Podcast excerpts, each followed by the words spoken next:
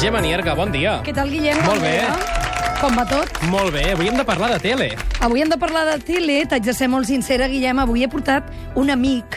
És una persona amb la que jo he treballat alguns anys. Ell es diu Roberto Enríquez, però tothom el coneix com Bob Pop. És un gran observador de l'actualitat i ara mateix és el subdirector del programa de l'Andreu Buenafuente, Leitmotiv. Vull que escolteu què diu l'Andreu del que és la seva mà dreta.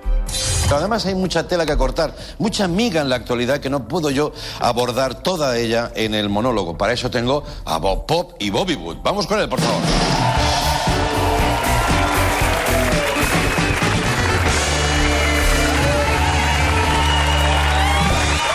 ¿Cómo estás, Bob Pop? Súper bien. Buenas noches. Estoy bien. A ver, Sí. aturullado. ¿Sexy? Sí. ¿Quién ha dicho? Qué bien. Sí, sí, Hemos terminado la No, sección. no, no, no. Vamos Molt bé, doncs el Bob. Pop, que el podem veure de tant en tant amb l'Andreu, a Leitmotiv, ara ha publicat un llibre que es titula Un miércoles de enero. I un miércoles de enero és un exercici molt estrany que ha fet el Bob Pop de comparar titulars i notícies aparegudes a la premsa en un mateix dia, el 10 de gener de l'any 2018. Bob, buenos días. Muy buenos días, Gemma. Buenos días, Guillermo. Benvingut. Muchísimas Benvingut a gracias. Catalunya Ràdio. Bien hallado. No havies vingut mai No a aquesta emissora? aquí, no, no, primera vez. Porque es a la radio pública catalana, me gusta experiencia. Doncs benvingut. El Bob viu a Madrid de dilluns a divendres, Sí. però la resta de l'any i quan no està treballant, a Barcelona. Sí, soy un barcelonés más. Yo voto y pago impuestos en Barcelona. I per què? Por amor. Yo conocí a mi marido, que es colombiano, pero él lleva 20 años viviendo en Barcelona. Y por circunstancias de la vida, para mí era más fácil dejar Madrid y venir a Barcelona. Me lié la manta a la cabeza y me vine para acá con él. Y, maravilloso. I, I molts anys de felicitat. Muchísimos años de felicidad y una ciudad que, que, que siento que me ha acogido muy bien y que es muy buena para trabajar. Es una ciudad muy cómoda, sin apenas interferencias, muy manejable. Yo, a ver, dentro de que está tomada por el turismo loco, pero aparte de eso, ha cambiado mucho desde que yo llegué aquí hace 15 años hasta ahora, ha cambiado un montón la ciudad, pero ahí me encanta. I Bob, parles català? No, porque yo cuando llegué yo tenía la ilusión de apuntarme a un curso de catalán, eh, pero de repente yo venía aquí un poco como a ser colaborador desde mi casa, a llevar una vida así casi como de mujer de embajador, pero nació el diario público y empecé a trabajar a lo bestia y nunca tuve tiempo. Entonces nunca he tenido tiempo de ir ni a una clase de catalán. Entonces a mí me da mucha vergüenza, pero no sé ni coordinar sujeto y predicado. Entonces he aprendido a entenderlo por la radio, por la tele, también trabajé en Comradio unos años y entiendo perfectamente el catalán, casi todo, lo leo, pero me avergüenza de decir que no lo hablo. Molt bé, doncs, eh, Roberto, aquest matí volem que ens expliquis l'experiment d'agafar un miércoles d'enero, el 10 de gener, mm. agafar tots els diaris que vas trobar, revistes, etc, analitzar-ho i fer un retrat eh, del país que hem de dir no s'assembla gens al retrat que faries avui, perquè ha canviat tot molt. Ha cambiado y no ha cambiado todo mucho. De hecho, es, es curioso como, a ver, yo decido elegir este miércoles de enero porque es el día 10 de enero, es el primer miércoles, digamos, lectivo, porque ya han pasado los reyes, ya hemos terminado las vacaciones. Miércoles porque así puedo comprar prensa generalista, deportiva, económica y la del corazón fina, la que sale los miércoles, no la kinky que la de los lunes. y con eso trazar un. Sí. Eh, la dels dilluns, és?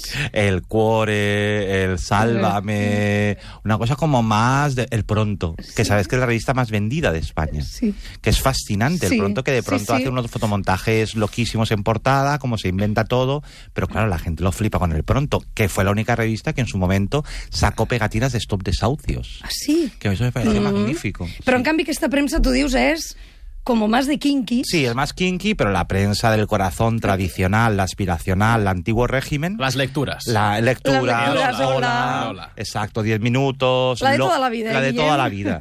La de peluquería, bien. La de peluquería que, te, que tú dejas propina al irte. Y entonces lo que quise fue eso, trazar una instantánea Sí. de la pre- de nosotros, del país, un poco del mundo, de la prensa en ese momento. No, no tanto de qué estaba pasando, sino cómo nos estaban contando qué estaba pasando. sí. Y cómo relacionábamos todo entre, entre sí. Porque yo siempre tengo la sensación de que leemos las cosas de manera inconexa, pero si atamos cabos, entendemos muchas más cosas. De hecho, no en vano, por ejemplo, la publicación que ha sacado el comunicado de Corina después de lo del rey ha sido el Ola. No en vano, el Ola sacó a Corina en portada cuando pasó aquello del elefante. Y lo mejor de todo no fue lo que decía, lo mejor de todo fue que Karina salía en portada en una pose sujetándose la carita con la mano y luciendo una pulsera, exactamente igual que otra que tenía la reina Sofía. Que eso era un mensaje muy fino. Però, però ja, amiga. el missatge de tot això quin és? És a dir, què pretén Lola eh, fent-se ressò d'aquestes confidències de Corina? La què, verdad- què hi ha darrere de tot això? La verdad es que a mí el juego de Lola en este sentido me desconcierta bastante. Yo creo que ellos lo que están diciendo todo el tiempo es nosotros somos el medio oficial, tenemos la información, damos voz a todas las partes y de hecho el comunicado de Corina lo que dice es, oigan, a mí no me utilicen para atacar porque yo no me quiero meter en política. Yo con encargarme de lo que me encargo ya tengo bastante. Claro, es como la prensa, digamos la prensa online, que ha sido la que ha sacado eh, las escuchas estas de las cloacas de Villarejo, saca la conversación grabada con Corina y la prensa oficial saca el comunicado de ella de yo no quiero tener nada que ver con esto, a mí déjenme vivir. Sí, però un comunicat fixa't on Corina no diu o no desmenteix que sigui ella la de les gravacions. De hecho, el Ola confirma que es ella. Que és ella. Sí. Pero claro, el Ola es como, sí, nosotros sabemos esto, pero aquí tienes tú tu lugar para explicarte, que yo creo que ahora sería el sitio para que se explicara el resto de implicados. Però, Roberto, tot això de la Corina i d'aquestes gravacions, creus que tindrà alguna transcendència? ¿Tú? Yo creo que no. No. A mí me parece que, primero, me, me llama la atención eh, que salga ahora y todo el mundo diga, noticia, noticia. Vamos, lo curioso es como esto ha funcionado solo para que la gente cuente lo que ya se sabía.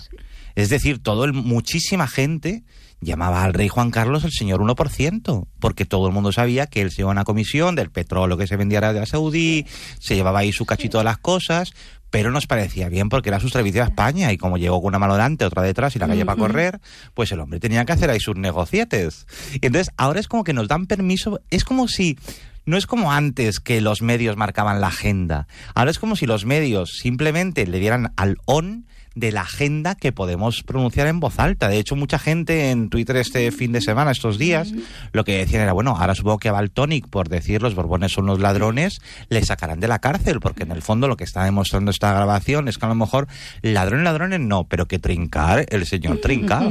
Y también nos coloca en la posición de qué pasa con toda esa prensa cortesana, esta prensa antiguo régimen, estas eh, enviadas especiales de la Casa Real, que se han pasado toda la vida diciéndonos que, bueno, que una cosa era la monarquía, otra cosa el juancarlismo, y que, bueno, como poco bebíamos en un mundo ideal. Per tant, Bob, tot això ens vindria a demostrar el que tu dius eh, llegint la premsa d'aquell dimecres 10 de gener, que la premsa a Espanya és una premsa molt de dretes Sí, muy conservadora. i la premsa rosa arribes a que és la premsa del régimen. Es la prensa del régimen, es ultraconservadora e incluso es un poquito mm, reaccionaria, muy, muy reaccionaria, especialmente el Ola, que es un ejemplo que he puesto antes. Lecturas juega en otra liga, Lecturas juega una liga, se ha inventado un género muy interesante, que es el de ser el brazo escrito de Telecinco.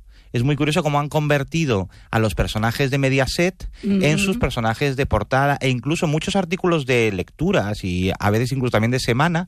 Tú lees los artículos, en realidad ahí no hay un periodista, hay lo que es un transcriptor de cosas que han pasado en Telecinco y de cosas que pasan en Instagram. O sea, realmente es una prensa muy low cost donde el, el espíritu es un poquito más socialdemócrata dentro de lo reaccionario, pero no llega a este nivel del, del Ola que es directamente, yo lo hablaba contigo el otro día que presentamos juntos el libro, que te lo agradezco mucho, que me lo pasé muy bien, y es que ahora cuando saquen del Valle los Caídos a Franco, que saquen también a Lola.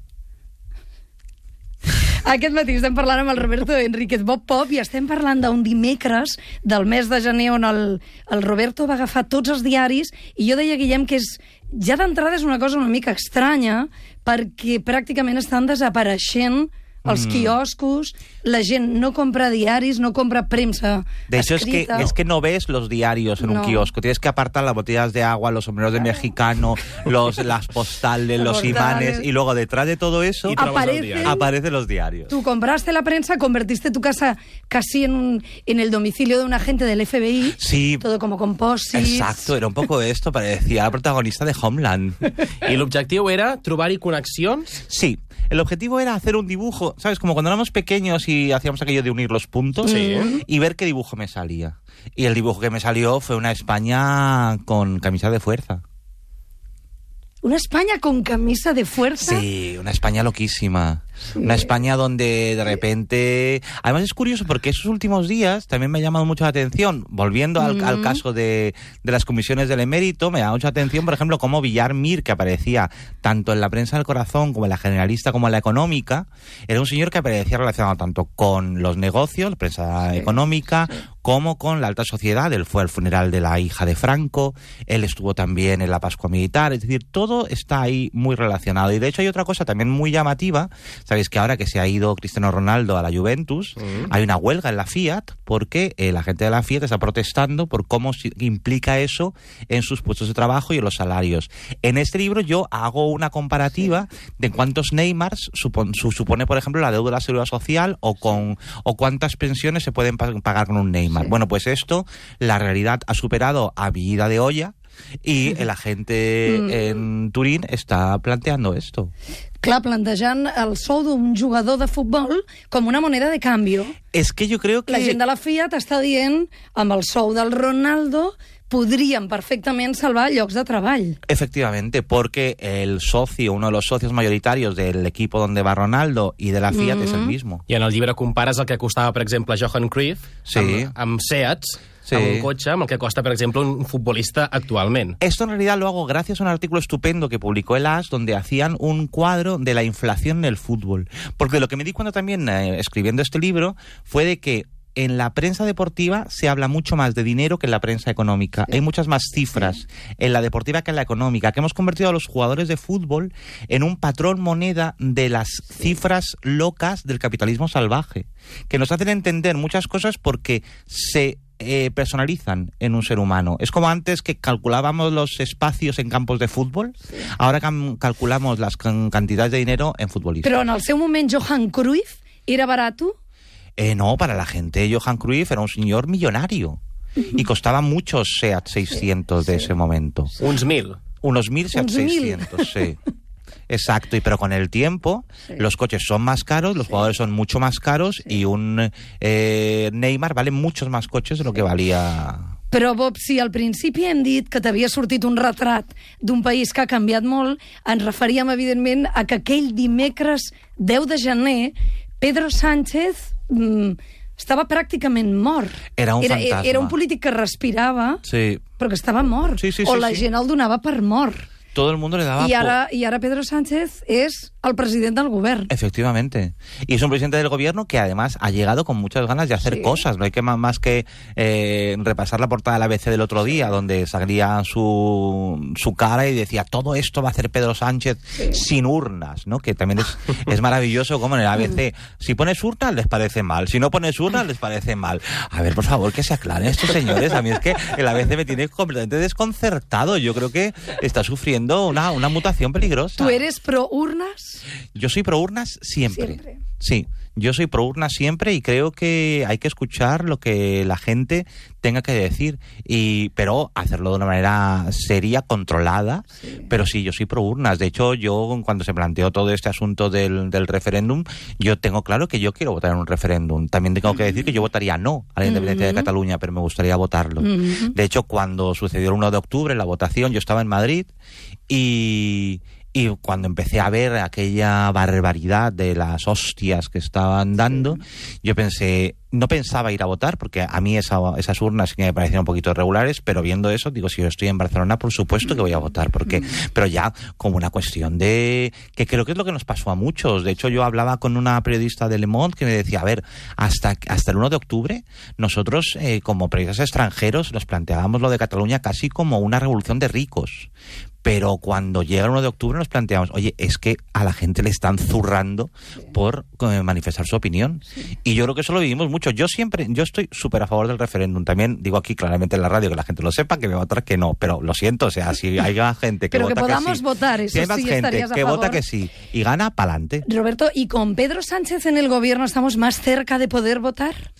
Yo creo que al menos estamos más cerca de plantear un referéndum sensato y de poder votar. Yo sí creo que, Sí. que estamos más cerca, sobre todo porque además hay dos factores aquí. Acordaos que cuando se plantea el referéndum hay mucha gente que tiene recelos porque plantea ya es que si abrimos este referéndum se plantea también la posibilidad de la República, la Casa Real. Hombre, también te digo que después de lo de Corina, lo mismo tampoco nos viene mal un referéndum sobre la República, ¿eh? Roberto, tu deies fa un moment, eh, Pedro Sánchez ha arribat amb ganes de governar. Sí. Perquè eh, és veritat que podia haver optat per convocar de seguida unes eleccions, però vol governar, i en algun moment t'he sentit dir que Pedro Sánchez està fent de Albert Rivera. Sí, eso es una teoría. Li està traient el lloc Sí. el, políticament Sí. a l'Albert Rivera. Yo creo que sí, de hecho esto lo escribió Pedro Ballín, que es un periodista de la vanguardia, un tipo al que admiro muchísimo, y cuando lo escribió dijo, es que yo pienso exactamente lo mismo que él. Es decir, Pedro Sánchez lo que ha hecho ha sido bien hecho, eh, lo que pretendía hacer Rivera, es decir,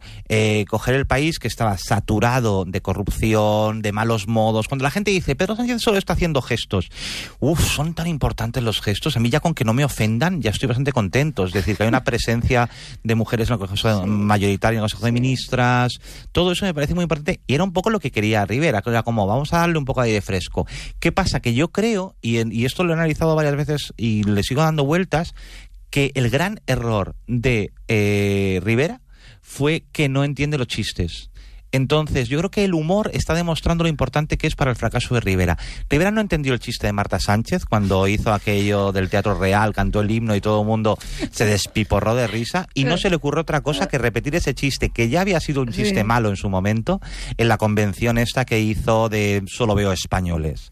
No contento con eso, además, tampoco entendió nunca el chiste de Tabarnia, lo alargó mucho y ahí se perdió. Entonces, si Rivera ha ido no entendiendo chistes y Pedro Sánchez ha entendido que había una necesidad de cambiar cosas. De hecho, cuando hablamos de tu libro, han cambiado muchas cosas, sí, pero eh, siendo un poco presuntuoso, si mi libro lo hubiera leído Pedro Sánchez en su momento, hubiera dicho, cuando lo yo estaba leyendo, lo hubiera tenido en- encima del hombro, he dicho, "Bob, pues a lo mejor si hacemos todo esto, más mujeres, que el discurso de clase, el discurso de izquierda tenga un poco más de sentido, pues lo mismo hay más gente que se siente identificada. Y yo creo que más allá de que Pedro Sánchez le haya hecho un Rivera a Albert Rivera, creo que ahora casado le está haciendo otro Rivera a Albert Rivera. Sí. Porque Casado ahora está en, en un modo. Bueno, lo último que ha dicho, lo de Schengen, tal, me, me tiene, Mm. pero de verdad, sulibellado. O sea, pero vamos a ver, Casado, que estás, o sea, yo solo espero que ahora Casado diga, y si yo presido el PP, ganaremos Eurovisión. Es como, pa'lante contigo, Casado. Que son cosas, estas butats, que, Sí. que también era capaz de soltar Albert Rivera. Siempre con es, yo creo que eh, Casado está jugando a la Mm. imposibilidad de poder, igual que estaba jugando Rivera, hasta que Rivera se enteró de, o alguien le dijo, oye, que vas muy bien en las encuestas, Mm. y yo creo que tuvo esta exaltación loca y ahí se le vino todo abajo. Casi por lo que dices, Marta Sánchez cambió la historia de este país. Yo creo que Marta Sánchez ha cambiado la historia de este país, completamente de acuerdo. por no entender Rivera todo eso. No lo que, entendió. Que formaba parte, es verdad, como de, de una broma. De, un- de una broma de- de- un grotesca. Y que él no entendió y luego esta cosa de quererte adueñar del discurso de Obama, pero con unos tintes josé antonianos que no funcionan. Yo creo que Rivera no ha tenido buenos asesores. Mm. Pero bueno, ahí está, lo mismo estoy diciendo todo esto y en seis meses le tenemos gobernando, pero yo espero que no. Roberto, et vull parlar d'un episodi que vas explicar un dia a l'Andreu. Jo no coneixia i em va... Bueno, em va sobtar molt. Quan hi va haver la sentència de la manada, tu, Roberto, vas optar per explicar que fa 25 anys havies patit una violació al Parque del Retiro de Madrid. Sí. Per què ho vas fer? Per què ho vas explicar? Te lo explico. De hecho, creo que fue antes de la sentencia, fue durante el juicio, sí. cuando empezaron a salir las informaciones de que un detective había estado siguiendo a la víctima de la manada, que la habían visto ir a bailar con amigas, salir, tener una vida normal, y todo el mundo la juzgaba por eso. Yo estaba absolutamente aterrado pensando en cómo podíamos estar juzgando a una víctima porque hubiera decidido vivir. Y, y yo llevaba dos semanas dándole muchas vueltas y ya no podía más porque me estaba doliendo físicamente leer todos esos comentarios. Y yo me acordé de mi experiencia, la experiencia que conté en el programa con Andreu y yo, mira, yo normalmente nunca, Andreu nunca sabe de qué voy a hablar en mi sección. Yo salgo ahí y Anchas Castilla, porque además así Andreu se ríe, le sorprendo, jugamos, está muy bien. Pero ese día yo le escribí por la mañana y dije, mira Andreu, voy a hablar de esto. Te lo digo para que no te dé un jamacuco ahí en, en directo. y quiero que me digas si te parece bien. Le, le mandé el pequeño guion que había hecho con sí. cómo iba a contar la historia y él me dijo, pa'lante total, no tengo nada más que decir, hazlo. Y lo hice porque sentí que quería compartir también mi testimonio, que, que tampoco es muy valioso, pero simplemente era entender que yo, que había vivido lo mismo, al día siguiente quería vivir. Y es lo que expliqué en, en la charla con Andreu. Es que para mí lo más importante es que no me habían matado, que era lo primero que se me pasó por la cabeza. Y cuando estás a punto de... Cuando sientes que van a acabar contigo, ¿Cuántos, ¿Cuántos eran? era uno. Uno. uno. Era uno con una navaja. Y fue, fue muy desagradable. Pero después, nada más terminar, yo incluso hice chistes yo solo, hablando. so- yo- Digamos que mi- la capacidad de supervivencia. Pero tú eras muy joven, Yo Roberto. tenía 19 años o 20, 19 años tenía. Sí, pero y además es curioso porque, claro, también esta gente que juzgaba a la víctima de la manada de no haber ido allí, a ver, el retiro era mi sitio de cruising, yo iba a ligar ahí con señores, a tener sexo consentido y deseado con desconocidos, pero yo no iba a que alguien me pusiera una navaja en el cuello y me obligara a mantener relaciones sexuales. Es muy distinto, son cosas muy diferentes. Yo elijo con quién, con quién quiero tenerlo. Seguramente, si no hubiera llevado una navaja y hubiera llevado cervezas más, pues no hubieran necesitado eh, poner una navaja, pero es que es muy distinto. Es decir, mi libertad sexual y la de cualquiera tiene que ser una libertad. Es como ahora toda esta polémica que hay de estos machirulos enloquecidos con que eh, haya que tener una. que haya que el sí sea sí el consentimiento sexual. Es que yo no entiendo de verdad estos tíos que están preocupados porque les tengan que decir que sí. Es que yo no entiendo estos tíos que de verdad lleven toda la vida teniendo sexo con gente sin saber si les desean o no. Cuando lo más excitante del mundo en el sexo es que te deseen. Todo lo demás, pues es como, yo lo definí el otro día como descuid- mm, descuideros sexuales. ¿Sabes? Esta gente que los descuideros que vas en el metro y te quitan el monedero, pues es como tener sexo así por un descuido de alguien. No, hombre, ten sexo por deseo de la otra persona. De hecho, porque si no, es que no es divertido. Eh, Roberto, ser homosexual ahora mismo en nuestro país no tiene nada que ver con ser homosexual y vivir tu, tu sexo con libertad hace 20 años, Sí, 25 años. No tiene nada que, ver. ¿no? Y no solo vivir el sexo, ¿eh? también vivir un... eh, Es que, claro, cambian muchas cosas. O sea, ser homosexual no es solo el sexo. Yo, de hecho, siempre pienso que yo eh, fui homo emocional mucho antes que homosexual. Es decir, yo me enamoré mucho antes de otros chicos que antes de desearlos. Y, y yo eh, entendí un montón de cosas de que no era uno de los demás mucho antes que, de tener el impulso sexual. Entonces yo sí creo que han cambiado muchas cosas, creo que todavía quedan muchas cosas por hacer, pero creo que vamos por el, por el buen camino. También yo hablo desde el privilegio. Yo tengo la suerte de mm, vivir en un entorno maravilloso donde mm, yo es que nunca he estado en el armario. Bueno, supongo que para mi familia sí, pero bueno, también porque no se fijaban mucho. Pero yo he vivido esto con, con bastante suerte porque en mis trabajos he podido ser libremente gay, porque además siempre he sido bastante militante de, de ello, porque me parece que un armario es una cosa muy opresiva y muy dura. Lo que es que también, dentro de ese privilegio, también tengo que decir que es que yo he vivido en Madrid y Barcelona. Yo no sé cómo es esto en un pueblo de Cantabria. Pues probablemente no sea tan fácil. Y para una mujer... Sí, en un, pues poble, en probablemente- un poble petit de Catalunya que ens puguin També. estar sentint ara, Efectivamente. on, on tothom et coneix Eso i on es. probablement no sigui tan fàcil o tan senzill Exacto. viure, viure amb llibertat. Jo no tinguis tants referents, tampoc. Efectivamente, yo no tenía tantos referentes. Ahora mismo yo creo que sí hay referentes, muchos de ellos muy positivos, y sobre todo hay la posibilidad de, de vivirlo sin que se justifique todo lo malo que te puede pasar. De hecho, incluso el arte, la literatura, el, cine que tiene que ver con la homosexualidad ha dejado de tener un final trágico. Yo me acuerdo en, en la época en la que yo era un adolescente y buscaba referentes gays en las películas, en las series, que era muy difícil, o en los libros, siempre acababa trágicamente. Y ahora, por ejemplo, esta película que lo ha petado este año, Call Me By Your Name, la maravilla que tiene Call Me By Your Name es que no pasa nada. Es decir, es una historia de amor y ya está. Es un primer amor y aquello sigue para adelante. Roberto, hi ha una música de Bowie, una cançó de Bowie, Mm. que tu el que et et remetes a aquests inicis Sí. de despertar sexual. Sí, el Modern Love, claro. Yo, claro, yo hablando de referentes, para mí Bowie era un referente de bisexualidad. Y, y yo siempre que escuchaba esta canción, el Modern Love de Bowie, pensaba, amor moderno debe ser esto, lo mío. Debe de, ser, de- debe de hablar de esto. Y me, y me parece maravilloso porque es un, para mí es un canto de libertad.